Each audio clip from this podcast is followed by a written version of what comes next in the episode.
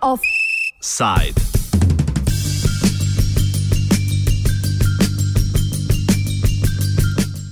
Naskok na družinska nakazila.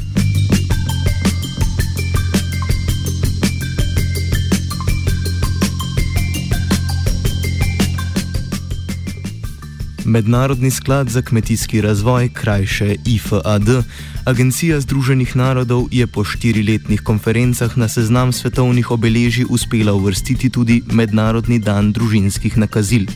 Danes, 16. junija, se obeležuje prvič.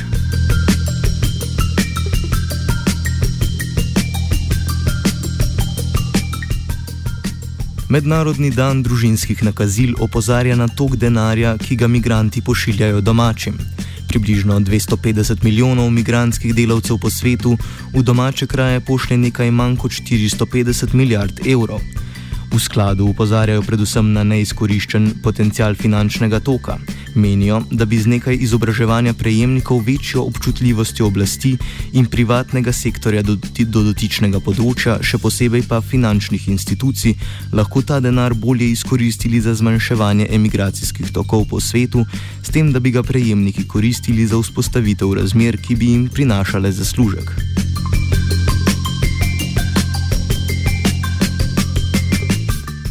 Utemeljitev za Mednarodni dan družinskih nakazil poda predstavnik IFAD Pedro de Vasconcelo. The main reason are the figures speaking for themselves first. We're talking about 250 million migrants worldwide, sending over 436 billion dollars to their families back home. So this is the biggest inflow of foreign currency that reaches developing countries. and this is done 200 300 dollars at a time individual migrants sending back to their families back home. So just because of the sheer number i think it, it is also important. But the biggest important is how these flows affect the lives of so many millions of families. And this is why it is so i think uh, so much uh, there's so much interested uh, people around it Vasconcelo opozori, da po ugotovitvah sklada nakazila vplivajo na vsakega sedmega zemljana, nobena ustanova pa se s tem področjem ne ukvarja. It's important, I think, to, to say that the individual migrants sending to their family are the, the, the, a lifeline for millions of people. And they have not been waiting for reports to understand the importance of sending money home. They have not been waiting for governments to understand it. They have been doing so. The, the, the key point right now is to get a global awareness for government, private sector, and others to understand the potential and help these millions of families. One out of seven people in this planet is linked to remittances in one way or another. It's a lot, it's a global phenomenon, absolutely and uh, and and it's time really to understand what can be done. Iz Evrope migranti pošljajo približno 34 milijard evrov v Azijo in Pacifik, 23 milijard v Afriko, 6 v Latinsko Ameriko, levi delež 40 odstotkov pa je premeščen znotraj Evrope. Izsledke komentira Vasconcelo. We are realizing that in Europe 50 million migrants send uh, over 109 billion dollars to their families back back home. They contribute to supporting 150 million families. So remittances from Europe are definitely uh, extremely important. And when we start thinking about exactly where this flows from Europe go, we realize that European outflows migrants sending out of Europe or uh, from Europe, uh, 40% of those flows stay in Europe, meaning we see flows coming from the Russian Federation or from Western Europe back to countries in uh, in in Europe, particularly Eastern Europe or the Baltics. So this is one of the crucial aspects also that, that we're saying and how many people in Europe or in Eastern Europe still depend on, on remittances.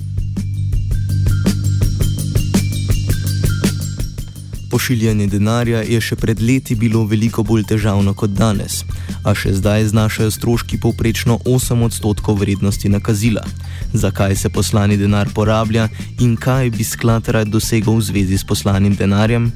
A lot of this money is used for needs such as, well, consumption, but also he- uh, health, uh, shelter, uh, food. and very little is invested. And very little is invested because migrants' families don't have many options to save that money. So this is where there's therefore a challenge that is also an opportunity, an opportunity for migrants to be able to save, to invest uh, for their families. My apologies, for their families to be able to save, invest.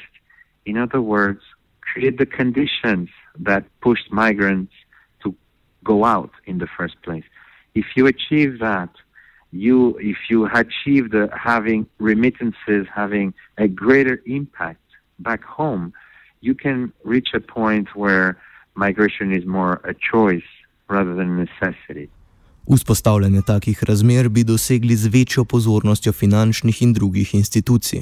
Allowing certain institutions, financial institutions, to promote the the um, remittance service. Because if you do that, you can link remittances with savings, for instance, and investment. And you have products that can be created that go in that way. Meaning, families will then see the fact that they receive remittances will allow them to access other type of products. Again, like savings, credit, insurance. So this is one one one one way, in that basically can be summarized by saying to allow options to reach migrants and their families, financial options to use their funds.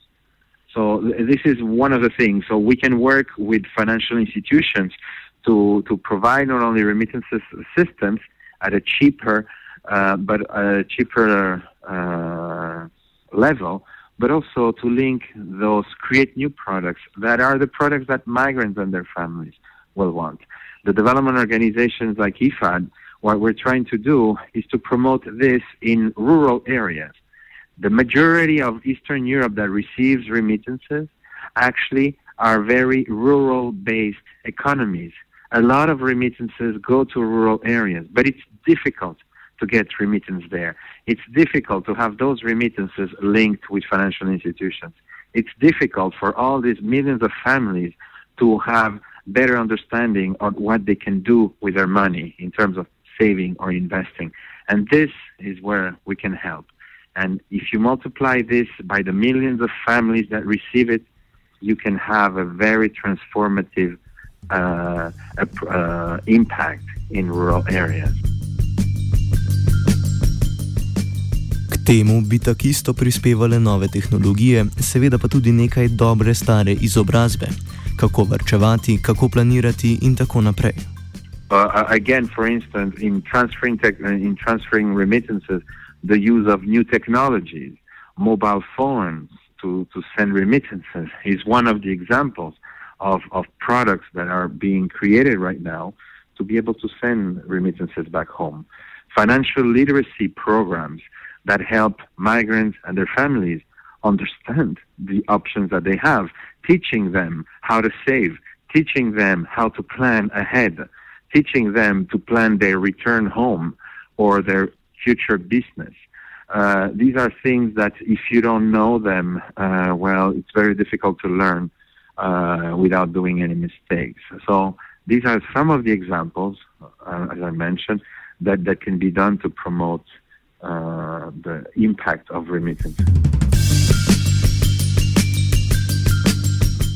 Ob mednarodnem dnevu družinskih nakazil, ki z upletanjem v družinske prejemke želi prispevati k nižanju migracij, se je pomudil Jankovič.